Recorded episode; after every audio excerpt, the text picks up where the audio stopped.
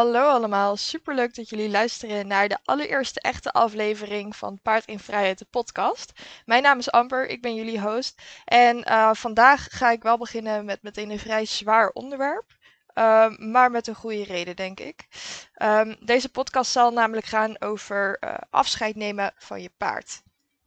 Deze podcast ben ik begonnen op mijn visie en de lessen die mijn lieve Scooby mij heeft uh, geleerd met jou te delen.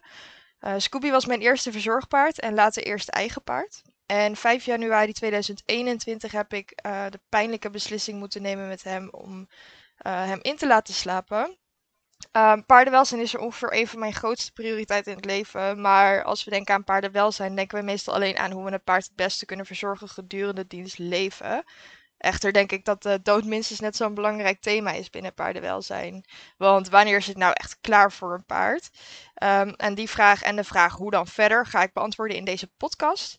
En misschien is het een zwaar thema voor een eerste echte episode, maar Scooby is de reden dat deze podcast tot stand is gekomen. En ik zie het dan ook als een manier om de herinneringen aan hem nog levend te houden. De dood is iets moeilijks om uh, over na te denken. Maar toch is het wel zo eerlijk tegenover een paard of welk dier dan ook die uh, onder jouw zorg valt. Om dit op tijd te doen, denk ik. Um, toen ik net 16 was, kreeg ik het vermoeden dat Scooby weg zou moeten bij zijn vorige mensen. Toen was het uh, nog mijn verzorgpaard.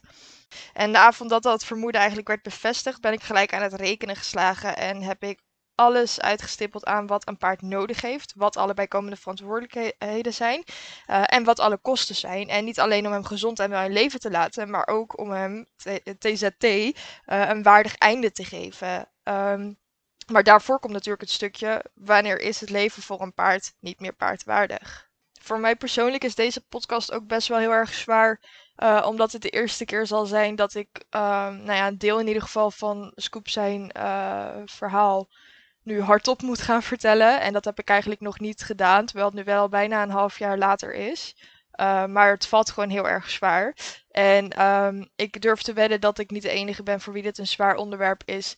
En het is dan ook nooit mijn intentie om hè, uh, mensen te triggeren met deze podcast. Als het een onderwerp is waar je liever nog niet bij wil stilstaan, um, dan moet je dat natuurlijk ook zelf weten.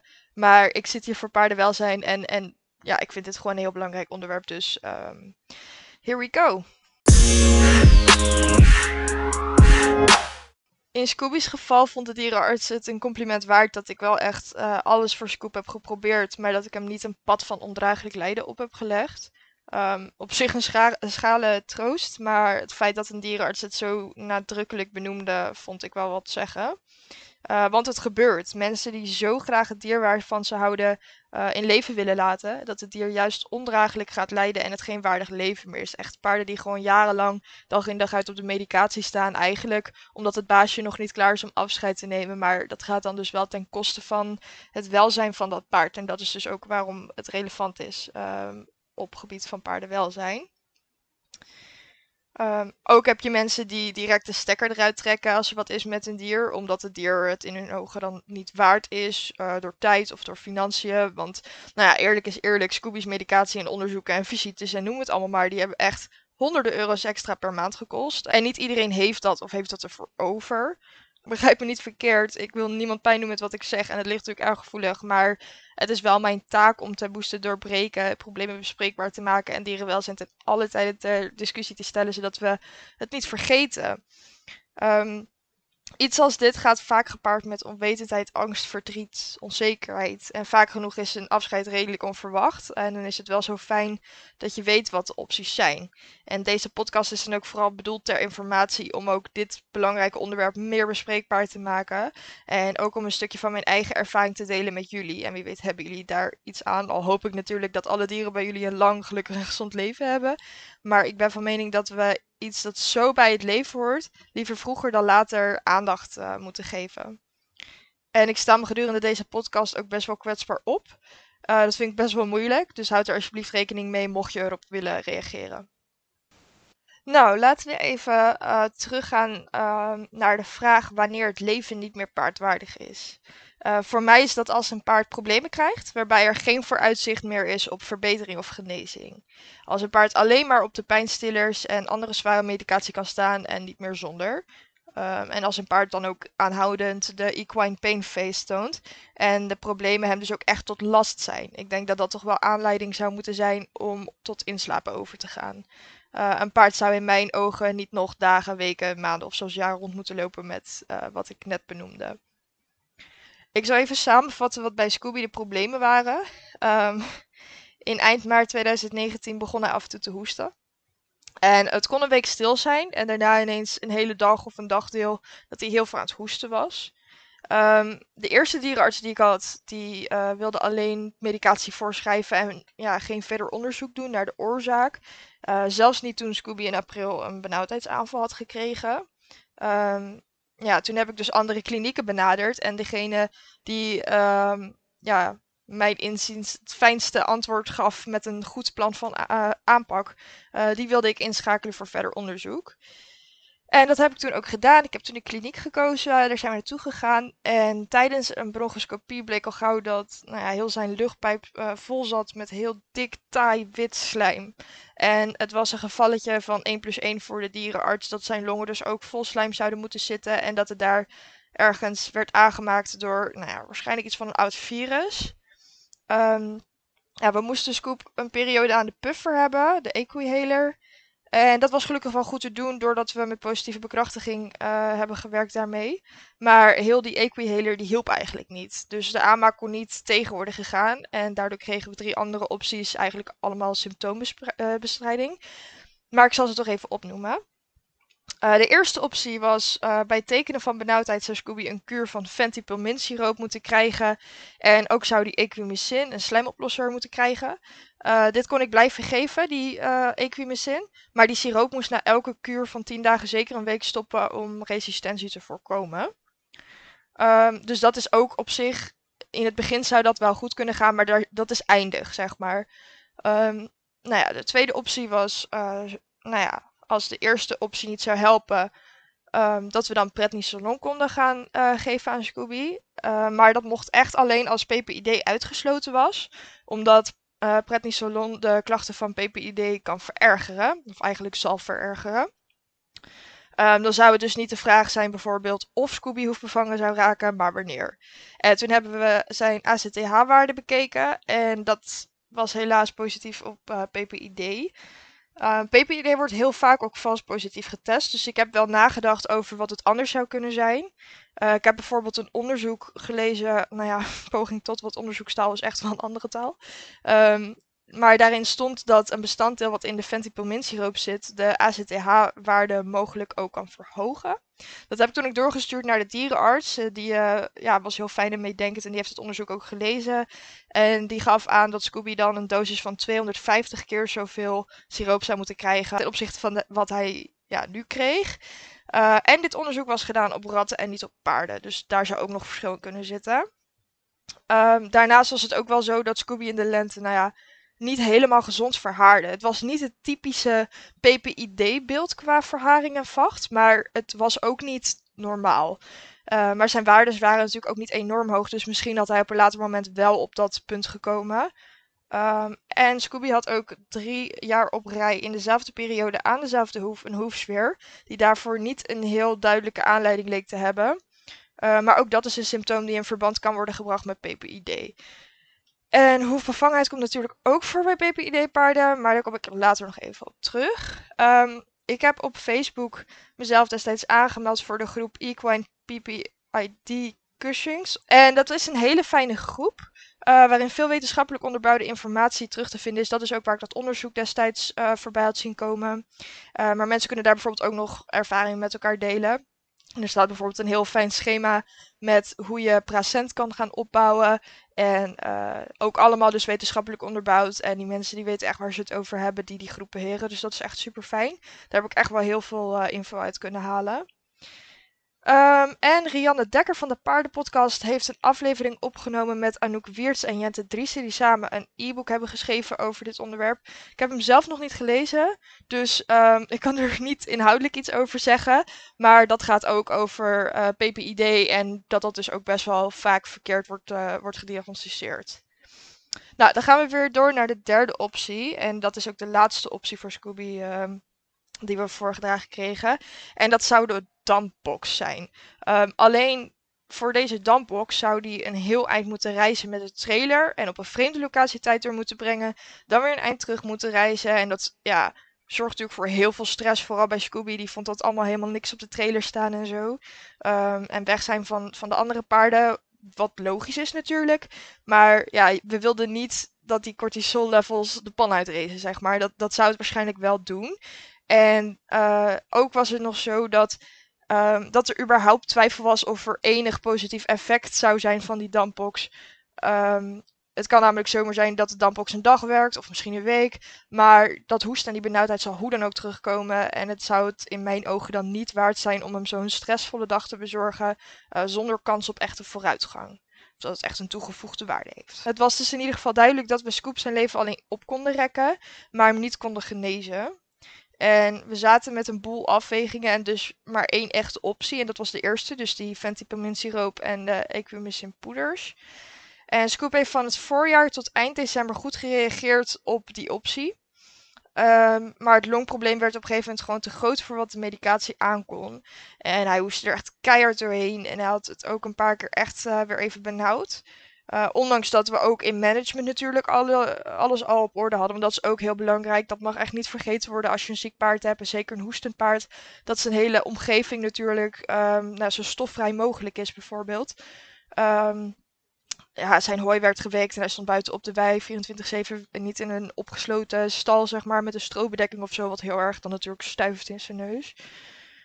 Uh, daarnaast begon hij uh, twee dagen voor het inslapen, wat ik toen nog niet gepland had, maar waar ik wel al bang voor was. En ik had de dierenarts op dat moment gebeld vanwege zijn benauwdheid. Maar toen begon hij ook nog tekenen te vertonen van onbevangenheid. Uh, waarbij dus voor mij ja, die PPID nog een keer werd bevestigd. Um, nou, toen hebben we dat weekend nog een pijnstiller gekregen. En uh, omdat het weekend was, kon ik niet echt goed overleggen met mijn eigen dierenarts over ja, hoe verder of niet verder. En ik had de week daarvoor dus al te horen gekregen van haar dat, uh, dat Scooby was uitbehandeld. Dat die medicatie die werkte niet meer. Er waren natuurlijk niet echt meer opties voor hem. Um, dus ja, die, die angst werd wel steeds reëler, zeg maar. En zijn longen zouden vanaf dat punt dus ook alleen maar slechter worden. Er was geen goede medicatie of behandelmethode meer voor hem. En nou ja, hij had er dus ook nog zo'n heftige ziekte als hoefbevangenheid bij, die zich begon te ontwikkelen. En nou ja, dat maakte gewoon dat het egoïstisch zou zijn voor mij als ik hem niet zou laten gaan. Um, hij had geen goede vooruitzichten, hij had pijn en dat gaf hij ook echt aan. En ik denk ook wel dat hij wist dat het klaar zou zijn. Hoe moeilijk ook voor, nou vooral Lucky en mij natuurlijk. Maar ja, zo'n keuze is nooit, uh, nooit heel makkelijk. Dan weet je dus dat er een eind gaat komen aan het leven van zo'n dier. Maar de vraag is dan natuurlijk hoe. En daar zijn in hoofdlijnen twee opties voor. En dat zijn inslapen en de slacht. En als je mij kent, um, dan weet je waarschijnlijk dat ik veganist ben. En daarmee sta ik dus niet achter de slacht. Ook niet in het geval van dat een dier op is. Uh, de slacht is namelijk extreem stressvol. Het paard gaat, een, gaat weg van het vertrouwde terrein. Komt aan op een plek waar ze stress en het bloed ruiken van de voorgangers. En worden daar dan door een vreemde door het hoofd geschoten, opgetakeld aan de achterbenen. En ik denk niet dat ik de rest hoef te vertellen. Dat zou het meteen een 18 plus podcast maken, denk ik. Uh, maar dat idee heb ik dus wel echt direct opzij geschoven. Dat, dat kwam niet eens in me op. Uh, en zo ging ik dus door voor de optie inslapen. En ik had een aantal wensen die ik heel belangrijk vond voor Scooby en voor zijn maatjes. Uh, namelijk nummer 1, dat hij zo min mogelijk stress hoeft te ervaren. Dus dat het op zijn eigen vertrouwde wijze zou gebeuren. Op een verder normaal verlopende ochtend in het bijzijn van zijn vriendjes. En twee, dat de andere ponies afscheid konden nemen van zijn lichaam naderhand. Zodat zij ook weten dat Scooby niet meer terugkomt. En dat ze dus ook kunnen beginnen aan hun rouwproces. In plaats van dat ze nog dagen op hem blijven wachten en niet snappen waar hij is gebleven. De afweging tussen inslapen op uh, de eigen wei bij de kliniek of bij een crematorium was dus ja, vrij snel gemaakt. Um, een crematorium kan heel mooi zijn omdat het paard dan op een mooi weiland uh, kan worden ingeslapen en hij verder niet vervoerd te worden na het inslapen. En um, de kliniek kan bijvoorbeeld fijn zijn voor het oog, omdat het paard dan tussen wanden staat die hem opvangen en platleggen, zodat hij niet omvalt na het geven van de spuiten. Want nou ja, ze krijgen twee spuitjes uh, op het moment dat ze worden ingeslapen. En bij die eerste spuit gaan ze eigenlijk gewoon tegen de vlakte. En uh, daarna krijgen ze dan zeg maar de fatale spuit. Uh, maar dat kan best wel naar zijn voor het oog. En heel veel paardeneigenaren die durven dat bijvoorbeeld ook niet te zien als dat gebeurt of zo. Dus dan is voor jouw eigen oog zo'n kliniek misschien nog een optie waar die dus wordt opgevangen tussen die wanden. En dat hij niet echt omvalt. Um, maar goed, daarnaast heb je natuurlijk de optie om hem in te laten slapen op de plek waar het paard staat. En daar heb ik ook voor gekozen. Uh, omdat hij dan dus geen stressvolle trailerrit mee moest maken. Geen stress hoefde te ervaren van de inslaapruimte op een kliniek zonder vriendjes. En uh, daardoor konden zijn uh, paardenvriendjes dus ook afscheid nemen op de wei. Um, je hebt na de hand ook nog de optie om het paard te laten dissecten. dit wilde ik eerst altijd heel erg graag. Maar dat zou dan nog best wel stressvol zijn voor Scoop. Want de rit van Scooby zijn locatie toen naar de plek uh, waar die dissecties plaatsvinden, die is uh, bijna drie uur. Had ik dat wel gedaan, dan hadden ze eerst een assessment gedaan met hem. Dan zou hij worden ingeslapen op hun terrein. Lucky had dan wel meegekund, uh, dus die had dan wel afscheid kunnen nemen. En de dagen daarop zou de dissectie dan plaatsvinden. voor Scoop ging dat gewoon niet meer en was het echt niet meer eerlijk, maar dat is dus ook een optie. En achteraf gezien um, denk ik ook dat Scoop wat anders in zijn lichaam had dan uh, ja, al die losse flarden, zeg maar. hij had best wel gewoon wat gezondheidsprobleempjes. Um, en die hadden vast wel een verband met elkaar sowieso. Maar um, het waren ook niet dingen waar ik, eh, wat ik gek vond, zeg maar. Als hij twintig jaar lang slecht voermanagement heeft moeten krijgen en op stijf gestaan en noem het allemaal maar op. Hij heeft niet echt paard kunnen zijn de eerste twintig jaar van zijn leven. Um, dus dat heeft natuurlijk best wel een impact op het lijf van zo'n dier. Um, dus voor mij waren die klachten allemaal niet zo raar. Alleen ik had niet zozeer de verbanden gelegd zoals ik ze nu doe.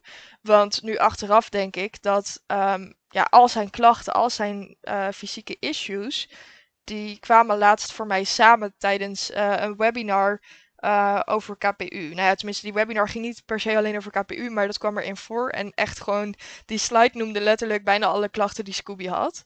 Um, dus ja, achteraf gezien heb ik een heel sterk vermoeden dat hij misschien last had van KPU. En dat had dan bijvoorbeeld tijdens zo'n dissectie nog gevonden kunnen worden. Uh, want daarin kan je dat soort problemen, stofwisselingsproblemen, uh, ook nog terugvinden. Um, ja, dat kunnen we nu natuurlijk niet meer onderzoeken. Maar dat is dus wel interessant om te weten. Uh, ja, het, het, kan ook heel confronterend zijn, zo'n dissectie. Want, nou ja, waarschijnlijk of nou ja, het kan natuurlijk zomaar zo zijn dat jouw paard van binnen nog veel meer problemen had dan dat hij van buiten eh, liet blijken, zeg maar. Um, ja, en, maar ik persoonlijk denk wel dat het heel leerzaam is om uh, je eigen paard daar uh, op de tafel te hebben liggen. Nadat hij een waardig einde heeft, heeft kunnen krijgen. Om erachter te komen wat er nou precies allemaal mis was in zijn lijf. En om dat mee te nemen ja, in de toekomst eigenlijk. Uh, ik denk dat best wel waardevolle kennis uit kan komen. Uh, waardoor je misschien bepaalde problemen beter of sneller kan tackelen dan dat je bij dit paard bijvoorbeeld dan hebt gedaan. Om maar even wat te noemen. Anyhow, dat was voor Scooby niet een optie, um, maar het kan dus nog wel. Andere voordelen bij het inslapen op de kliniek of bij het crematorium zijn dat je het vervoer naar het crematorium of de rendak niet hoeft te regelen. Um, als je een paard laat inslapen op de eigen plek, dan moet je dat wel doen. En voor het ophalen zijn dus ook verschillende opties. De eerste is uh, op laten halen door het crematorium. Die je paard naar mijn ervaring met heel veel respect uh, vast weet te binden en op de brancard weet te takelen. Zonder gekluns of disrespect naar het lichaam van het dier. En voor het cremeren heb je ook verschillende opties, namelijk individueel en gezamenlijk met andere dieren. En daardoor heb je ook voor het as meerdere opties afhankelijk van wat je kiest. Um, als je individueel cremeert, dan kan je het as van je eigen dier krijgen. Of je kan ervoor kiezen dat het crematorium het uitstrooit. Um, maar die optie heb je natuurlijk niet als het dier met andere dieren wordt gecremeerd. Want dan kan je niet jouw specifieke dier terugkrijgen, zeg maar, uh, met zijn as. Um, nou ja, dan heb je nog twee andere opties voor het ophalen. En dat is bij de Rendak. Dat is een verwerkingsbedrijf dat energie maakt van dierenlijken. Uh, zij kunnen het uh, dier individueel ophalen of gezamenlijk. Maar dat laatste ziet er wel heel akelig uit. Ik heb dat wel eens in het echt mogen zien, maar dan nou ja, bij boerderijen en bij slachthuizen. En ja, dieren worden gewoon opgetakeld en in een bak met andere dode dieren gestoord. Ja, dat wil je echt niet zien. dat, uh, dat zou ik persoonlijk niet aanraden. Maar um, het is daarmee ook ja, veel goedkoper um, dan ja, individueel laten ophalen door bijvoorbeeld een crematorium. Ehm, hoe het individueel ophalen van de rendak eruit ziet, dat weet ik niet. Uh, maar voor alle drie de ophaalopties geldt dat het dier aan de verharde weg moet liggen. En omdat het dier dus aan die verharde weg klaar moet liggen, kom je daar ook weer voor een keuze te staan. Namelijk of je laat het dier aan de weg inslapen, of je moet het dier na het inslapen weg laten slepen, uh, of tillen naar de weg. Ik wilde geen pottenkijkers bij het inslapen hebben. Ik vond het geen veilig idee om hem aan de weg in te laten slapen. Wetende dat een paard dan dus nog wat stappen zet en omvalt. En daarbij valt het paard dan natuurlijk ook echt wel op een harde ondergrond. En dat is gewoon niet zo vrij ook voor het dier zelf. En ik wilde ook dat het voor Scoop zo normaal mogelijk voelde allemaal. Uh, want wij kwamen bijvoorbeeld amper aan die weg. Wij zaten eigenlijk gewoon altijd op de wei. Um, dus ja, als wij naar de weg liepen, dan was er vaak iets aan de hand, zeg maar. En ik wilde hem niet die indruk geven, uh, waardoor hij misschien extra stress zou ervaren. En daarnaast had Lucky dan ook aan een halsertje erbij moeten komen uh, staan om afscheid te nemen. En dan had, ik, dan had hij denk ik niet genoeg de, de ruimte gehad om te reageren omdat dat slepen vooral voor ons als mens heftig is om mee te maken, want het dier is er natuurlijk al niet meer, uh, heb ik er wel voor gekozen om Scoop gewoon op de wei in te laten slapen. Waarna we hem op een zeil hebben gerold, daar trekpanden aan hebben uh, gemaakt. En dan uh, hebben we die trekpanden zeg maar aan een tractor vastgemaakt. Ik heb toen zijn hoofd opgetild en twee anderen hielden de zijkanten van het zeil vast, zodat Scoop er niet af zou glijden. En zo zijn we rustig richting de weg gereden. En daar is hij dus heel netjes op de brancard geladen door de mensen van het crematorium. En zo is hij vervoerd en individueel gecremeerd. Um, het crematorium heeft hiervoor ook het paspoort van het paard nodig. Net zoals bij het vervoeren van levende paarden is dit namelijk gewoon verplicht. Uh, het paspoort en eventueel het halster krijg je bij het ophalen van het as uiteraard ook weer terug. Op het moment dat Scooby aankwam bij het crematorium, kreeg ik een berichtje dat hij om die tijd de oven in is gebracht en dat het cremeren dan dus zou beginnen. Je kunt er ook voor kiezen niet het bericht te krijgen, maar ik vond het persoonlijk ja, wel gewoon heel erg, uh, heel erg fijn om op die manier mentaal nog enigszins verbonden te voelen met hem. En zijn as kon ik enkele dagen daarna ophalen. Um, een klein beetje hiervan heb ik opgestuurd naar een bedrijf dat assieraden maakt. Uh, en dat as zit nu in een mooie ketting. En ik ben er zelf verder nog niet helemaal uit wat ik met de rest van zijn as wil gaan doen. Um, besef je ook goed, een paard eindigt niet met 10 gram as. Het zijn tientallen kilo's. En het uitstrooien lijkt me ook niet heel praktisch. En daarnaast voel ik me daar op dit moment ook niet goed bij. Uh, Scooby wilde nooit opgesloten zitten uh, in zijn leven, zoals hij nu in die box zit. Maar we hebben altijd ons pad samen bewandeld sinds we elkaar kenden. En waar ik ook ging, Scooby was daar en andersom. En het voelt dan ook vreemd om hem ergens uit te strooien. Ook omdat we dus geen plek hebben waar dat kan, waar we mooie herinneringen hebben opgebouwd. Um, waarmee ik dus vooral bedoel uh, herinneringen die fijn waren voor Scooby. Plekken waar hij graag was. Want op de plekken waar hij uitgestrooid zou kunnen worden, werd hij uitgebuit. En dat voelt gewoon niet goed. Terwijl we met samen zijn een heleboel mooie herinneringen hebben juist. Uh, dus misschien als ik ooit een eigen Paddock Paradise aan huis heb of zo, strooi ik hem daar uit ergens. Of maak ik een mooi outdoor altaar voor hem met zijn as. Um, maar met as is de keuze in ieder geval echt reuze. En ik kreeg ook heel veel ideeën doorgespeeld van mensen als zijn as verwerken in verf om dan een mooi schilderij van hem te maken. Um, dat lijkt me oprecht best wel gaaf. Alleen dan is het nog best wel een uitzoekwerk van, nou ja, uh, wie kan en wil zoiets doen. En dan moet je natuurlijk ook nog kijken naar hè, wat is de stijl van die kunstenaar. Um, past dat bij wat jij wilt, zeg maar. Maar goed, er zijn in ieder geval heel veel opties met dat als uh, het in urnen stoppen, uitstrooien, sieraden uh, laten maken waarin je het kan verwerken, uh, kunstwerken laten maken en echt, nou ja, het eindeloos de opties. Naast zijn as heb ik ook een vlecht uit zijn staart geknipt. En daar kan je dan bijvoorbeeld ook een sieraad van laten maken. Maar je kan het bijvoorbeeld ook inlijsten. Of als je een ander creatief idee hebt, uh, is er ook weer gewoon heel veel mogelijk. Uh, ik zelf denk dat ik, uh, dat ik het gewoon wil inlijsten. Ik heb het nu in een vlecht eh, liggen hier zo met wat foto's erbij van hem. Maar ik zou het wel mooier vinden als het echt opgehangen kan worden aan de muur. Um, tijdens het inslapen is er ook nog een optie dat er een fotograaf langs kan komen. Um, ik heb bijvoorbeeld ook een fotograaf langs laten komen toen we wisten dat hij uitbehandeld was. Om hem nog een laatste keer nou ja, gewoon goed vast te kunnen leggen met relevante foto's. Die hadden we echt al jaren niet meer echt gemaakt. Ehm, maar ik ben heel blij dat we dat nog hebben kunnen doen. Dat was een paar dagen nadat we hoorden dat hij was uitbehandeld, uh, kon diegene gelukkig uh, heel snel. Maar ja, ik heb best wel getwijfeld of ik ook tijdens het inslapen een fotograaf erbij wilde. Maar ja, ik kwam eigenlijk tot de conclusie dat ik me liever een Scooby herinner die leeft en, en die happy is. En niet een Scooby die eigenlijk op alle foto's zal staan met een, met een pain face. En uh, dat zo'n moeilijk en, en pijnlijk moment dan vastleggen. Ik herinner me liever Scooby in leven.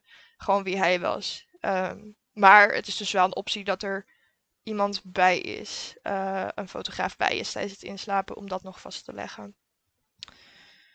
Ik uh, kreeg ook vaak de vraag hoe hiermee om te gaan met zo'n verlies. En heel eerlijk, ik heb daar geen antwoord op. Um, rouw is namelijk iets heel persoonlijks en buiten dat iedereen er op een andere manier naar kijkt, verwerkt ons brein het ook bij iedereen anders. Het hele inslapen vond mijn brein geloof ik echt wel traumatisch. Want hoewel ik net een beetje in basislijn heb verteld hoe het ging, uh, voelde, voelt het gewoon als, alsof het allemaal een soort vage flarden zijn uit een boze droom. En nou ja, toen ik um, het voorbereidende werk deed voor deze podcast. Ik heb het namelijk echt wel uit moeten schrijven. Um, zodat het niet één grote warboel wordt. Uh, omdat het natuurlijk zoiets emotioneels is ook. Uh, gierde echt zoveel adrenaline door mijn lijf. En nou ja, nu ook, nu ik dit opneem. Uh, het, ja, er zijn makkelijkere dingen in het leven. En ik heb hier ook een post over geschreven op mijn Instagram. En nou ja, daar heb ik ook echt shakend zitten typen gewoon. Uh, het voelt niet als een echte gebeurtenis of als een herinnering. En mijn brein probeert het volgens mij ook echt te verstoppen. Ik maak me er ook oprecht best wel zorgen om. Omdat ik nog nooit op deze manier heb gerouwd. Maar ik heb ook nog nooit zo'n pijnlijk verlies meegemaakt natuurlijk. Scooby was mijn allerbeste vriend, al bijna acht jaar. En hij is de reden dat ik nog rondloop. Hij heeft me door het leven heen geholpen. Hij heeft me enorm veel in laten zien en geleerd aan levenslessen. Is er altijd trouw voor mij geweest. Hij heeft me letterlijk zien opgroeien. En hij was onverwaardelijk in zijn liefde en vertrouwen. En zo'n diepe connectie als wat ik met hem had, heb ik gewoon nog nooit met iemand anders mee mogen maken. Dus dat mijn brein dit als trauma markeert, uh, zeker met hoe het inslapen verliep, daar wil ik ook liever niet over praten. Ik vind dit al een hele stap. Uh, vind ik het niet gek. Gelukkig is Lucky er nog wel en hebben ook steun aan elkaar.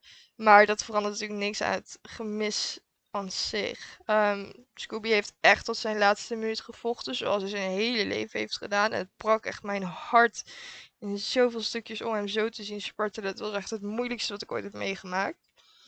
Ik hoop vooral dat hij zelf op dat moment mentaal niet meer bij was, dat het puur fysieke reactie was. Uh, maar het maakte me wel eventjes aan het twijfelen of ik wel het juiste had gedaan. En ondertussen weet ik rationeel gezien dat het echt wel het geval was. Dat wordt constant bevestigd ook. En um, ja, hij was gewoon echt op. Zijn klachten verergerden. Er kwamen nieuwe klachten bij.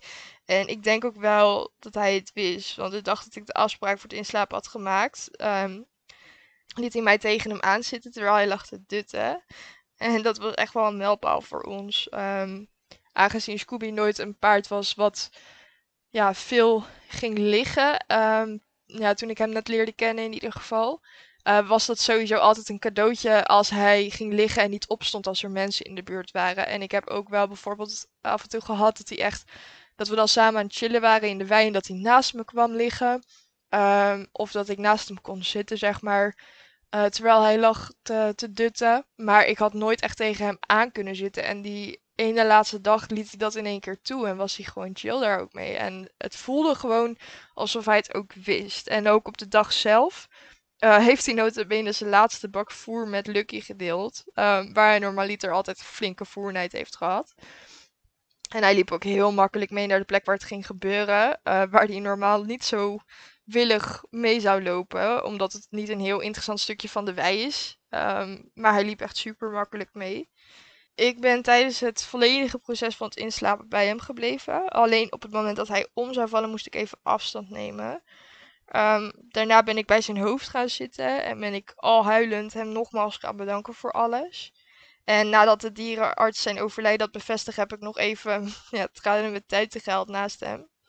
En zijn verzorgster, die was er ook bij, wat ik echt enorm dapper vind van haar. En ik denk ook wel dat dat heel fijn was voor Scooby, om de mensen die oprecht van hem houden en die tot op zijn laatste dag voor hem hebben gezorgd, om die erbij te hebben. Ehm, en nadat zij ook even afscheid kon nemen, was het tijd om Scoop dus ehm, ja, richting de, de weg te verplaatsen. Zijn hoofd was echt enorm zwaar, maar echt no way dat ik hem zou laten vallen. Want hij had mij immers ook nooit laten vallen terwijl hij zoveel shit van mij heeft verdragen. Dus dit was echt het minste wat ik voor hem kon doen. Ehm, ik ben heel even weggelopen toen het crematorium hem over de trekbanden van het takelsysteem moest rollen. Dat werd me echt even te veel. Maar tijdens het optakelen was ik er wel weer bij. En dat ging ook echt heel rustig en kundig. En nou ja, daarna hebben we nog even afscheid kunnen nemen toen hij op de brancard lag. Ehm, en dat was het laatste moment dat ik zijn dikke vacht, zijn kleine oortjes, donkerbruine ogen en zijn fluweelzachte naar thee ruikende meelneusje. Zijn, zijn witte vlekje bij zijn linker voorbeen en zijn witte kolletje ooit nog zou zien. Zoals ik eerder benoemd heb, heeft Lucky ook afscheid kunnen nemen. En dit deed hij vrij snel, uh, door even met zijn neus langs hem te gaan, maar verder bleef het bij kijken. En dat is natuurlijk helemaal aan Lucky zelf. Hij moet ook raben op zijn manier en ik wilde hem daarin ook niet verplichten om afscheid te nemen direct aan Scoop lichaam. Ik merk wel dat Lucky nog steeds niet helemaal um, de Lucky was van voordat Scooby overleed, maar ik ben ook niet dezelfde persoon als toen en rouwen kost gewoon tijd. Hij eet gelukkig goed, hij zoekt interactie met andere paarden en mensen, hij drinkt goed en gaat ondanks deze klap in ieder geval wel door met het leven. Dan komen we nog even aan bij het meest rationele stuk van het hele inslapen, namelijk wat de kosten zijn. Ehm, deze kosten kunnen verschillen per grootte en gewicht, maar ik zal even benoemen wat ik voor Scoop heb betaald. Ehm, het inslapen zelf kostte 235 euro, waar nog visitekosten bij worden opgeteld. Uh, dit was voor ons 42 euro. Um, qua cremeren zat Scoop tussen de twee opties qua gewicht en grootte in. Daar is hij dus um, ja, bij een tussenprijsje uitgekomen. Dit was 1100 euro. De vervoerskosten waren 308 euro, want het crematorium zat ook echt aan de andere kant van het land. Um, dan is daar nog 25 euro bij geteld voor de box waarin het as uh, wordt gedaan. Mijn ketting met as was 180 euro. En in totaal heb ik dus bijna 1900 euro uitgegeven aan het inslapen en afscheid nemen van Scooby. Uh, ik persoonlijk vind het elke cent waard. Zeker wetende wat Scoop allemaal door heeft moeten maken in die 24 jaar van zijn leven op deze aardbol. Maar ik snap dat mensen dit geld niet kunnen of willen uitgeven. Uh, de Rendak heeft een tarievenlijst die ik uh, in de show notes kan zetten. evenals de link naar het crematorium waar Scoop is gecremeerd en door is opgehaald. Ik zal daar ook meteen de paardenpodcast aflevering over PPID en de link van de Facebookgroep waar ik het over had uh, erbij zetten. En een link naar de post die ik uh, over het moeten laten gaan van een paard schreef destijds op mijn Instagram. Uh, die dus ook weer gelinkt is aan deze podcast eigenlijk. Waar ja, alle punten en keuzes die je kan maken rondom het inslapen nog even duidelijk um, ja, in, in tekst staan. Uh, daar kan je dan dus ook de beknopte versie van dit verhaal teruglezen. Ik hoop met heel mijn hart dat jouw paard een lang gezond en gelukkig leven kan leiden. Maar dat je er onder andere misschien door deze podcast wel enigszins op bent voorbereid, mocht je de keuze moeten maken. Ik wil je heel erg bedanken voor het luisteren naar deze podcast en dan tot de volgende keer.